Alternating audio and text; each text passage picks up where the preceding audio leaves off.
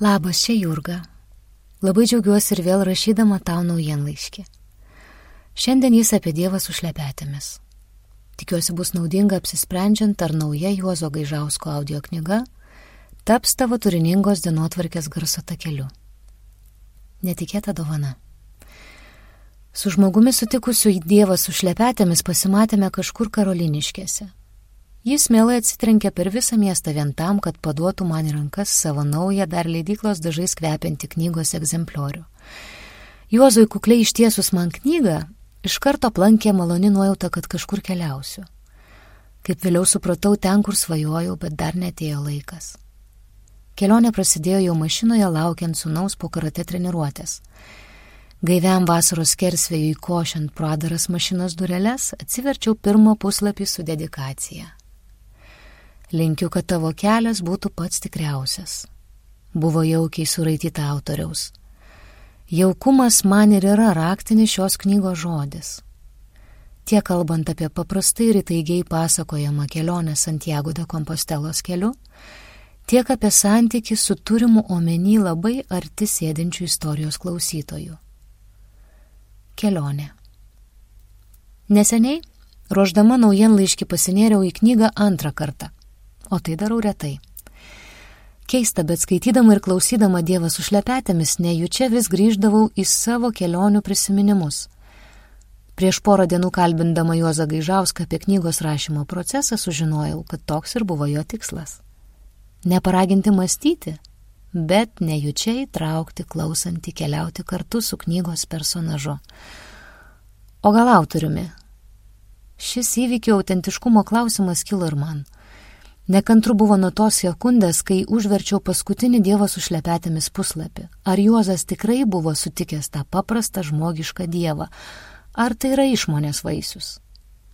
Jei ir tu nori sužinoti atsakymą, klausykis mūsų pokalbio audio lentynos rubrikoje kovo pabaigoje. Kelionė būna vidinė ir išorinė. Kelionės esmė nuo jos būdo nesikeičia bet geriausias jausmas, kai vidinis ir išorinis judesys sutampa. Atsimenu, buvo keletas kelionių, kurios mane sunervino tuščiai išvaistytų laikų ir pinigais, nes neskaitant nukeliautų kilometrų vidumi taip ir nepasi, nepasistumėjau. Turbūt ir tu pažįsti nors vieną žmogų, kuris gyvena nuo kelionės iki kelionės. Tarsi tarpai tarp jų būtų laiko gaišimas ir kažkokia sunki būtis lietuviško žemoj. Žinau tą jausmą ir labai džiaugiuosi jį išlydėjusi su praėjusiais metais į užmarštį. Teko trejata dienų pagyventi medžio namelėje Varenos miške lankomai stirnų. Fantazija ar realybė? Juozo personažas keliaudamas keliu pažindinasi su visokio plauko ir padėties bendrakeleiviais, suvokia savo galimybių ribas bei mokosi skaityti ženklus. Tiek kelio, tiek kelio iš didžiosios raidės neužrašytus ir perskaitomus tik vadovaujantis vidinę nuojautą. Juozas Gižauskas sako, kad kai kurie knygos siužeto posūkiai yra fantazijos vaisius, bet nesu tuo tikra. Net dabar rašydama, vos susilaikau pagrindinio veikėjo nepavadinusi Juozu. Reiškia patikėjau tiek gyvate privertusią Juozą šoktelt porą metrų į viršų, tiek tuo mistiniu įkvėpėjų su šlepetėmis atsirasdavusiu pačiomis sunkiausiomis kelio minutėmis, tiek ir pačia kelio atmosfera, kur nusitrina tautybės ir socialinės padėties žymės. O kad taip gyvenime pagalvoju. Ir pagaunu save tikinčią, kad taip įmanoma ir čia Lietuvoje. Juk mistinės galios sugražino pusmetrio sniego storumo žiemą, kurios knygos įžangoje tai pasigėdo Juozas, e, pagrindinis veikėjas, atsiprašau, vėl susipainiojau. Judesys.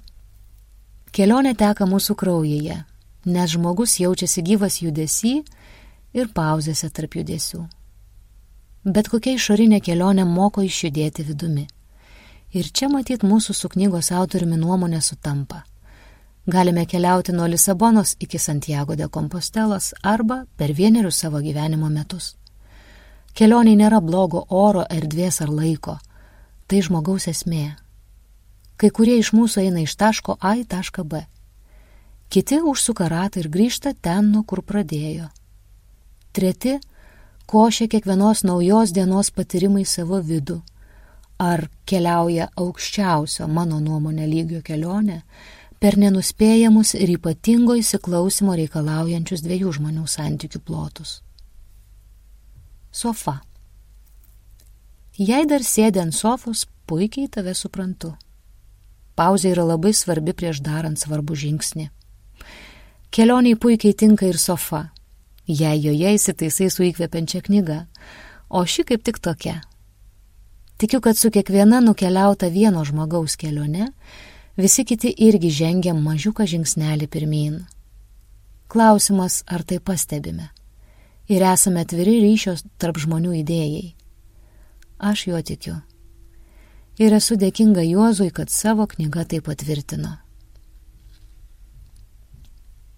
Kalba. Užvertusi paskutinį knygos puslapį labai užsinorėjau susitikti su Juozu ir pasidalinti tuo paprastu šiltu jausmu, kurį mano viduje sužadino jo aprašyta istorija. Jo sugebėjimas stebėti ir pastebėti. Ir pastebėjus be patoso, noriai pasidalinti, nes viduje tiesiog nelabai telpa kitas laikytų viską tik savo ir pats virtų savo stebuklinguose patyrimuose. Juk yra rizika, kad liksi nesuprastas. Ar papasakojus stebuklą viešai, šis išsisklaidys kaip rūkas. Džiaugiuosi, kad Juozas pasidalino. Ir džiaugiuosi tuo, kad kuo toliau, tuo daugiau atsiranda laisvės pojūčių alsuojančių lietuvių rašytojų knygų. Anksčiau rinkdavausi verstines, O dabar matyt vėl kitą čiupsiu lietuvišką. Tikėjimas. Tik ėjimas yra švaru kaip tyras šaltinio vanduo. Ėjimą ir su juo siejama savo tikėjimo šaltinio paiešką turime viduje kiekvienas. Net ateistas tiki tuo, kad netiki niekuo. Ir man tai yra žavu. Esminiai klausimai, kaip savo tikėjimo neprimesti kitam Kaip sutikti tą savo kartais taip reikalingą savekišką dievą? Juozo pavyzdžiui, su šlepetėmis. Man vidinio vaikiuko besirūpinančio širdies švara pavydalu. Kitam jis gali sėdėti medyje ir ilsinti sparnus. Kiekvienas galim susigalvoti savo jaukų pavydalą, bet jausmas tas pats. Jautiesi gerai ir saugiai žemėje būdamas savimi. Visi kiti baimės rimbai man ne apie tikėjimą. Atpažinta. Juozo kelionė man artima ir atpažįstama, kaip tikiu daugeliui klausysiančių taps dėl vienos priežasties. Jie iki skausmo panašiai į kelionę per kiekvieno iš mūsų gyvenimą su abejotinais ateities planais, o iš tiesų menku supratimu, kas lypi už kampo.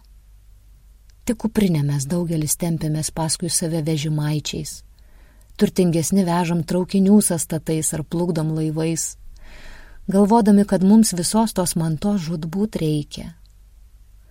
Kol padūstam po visais savo daiktais, lūkesčiais iš ankstinėmis nuostatomis ir atsimerkiam kiekvienas iš savo sapno. Tada iškraunam be gailėščio tai, kas nebereikalinga, nusikarpom etiketes ir tiesiog einam savo keliu pirmin lengvi ir pasitikintis, kad jis nuves ten, kur mums labiausiai reikia.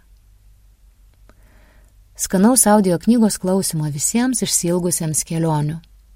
Tiesa, ji daro unikalesnė ir tuo, kad yra įgarsinta paties autoriaus Juozo Gaižausko. Iki kito karto. Linkėjimai. Jurga.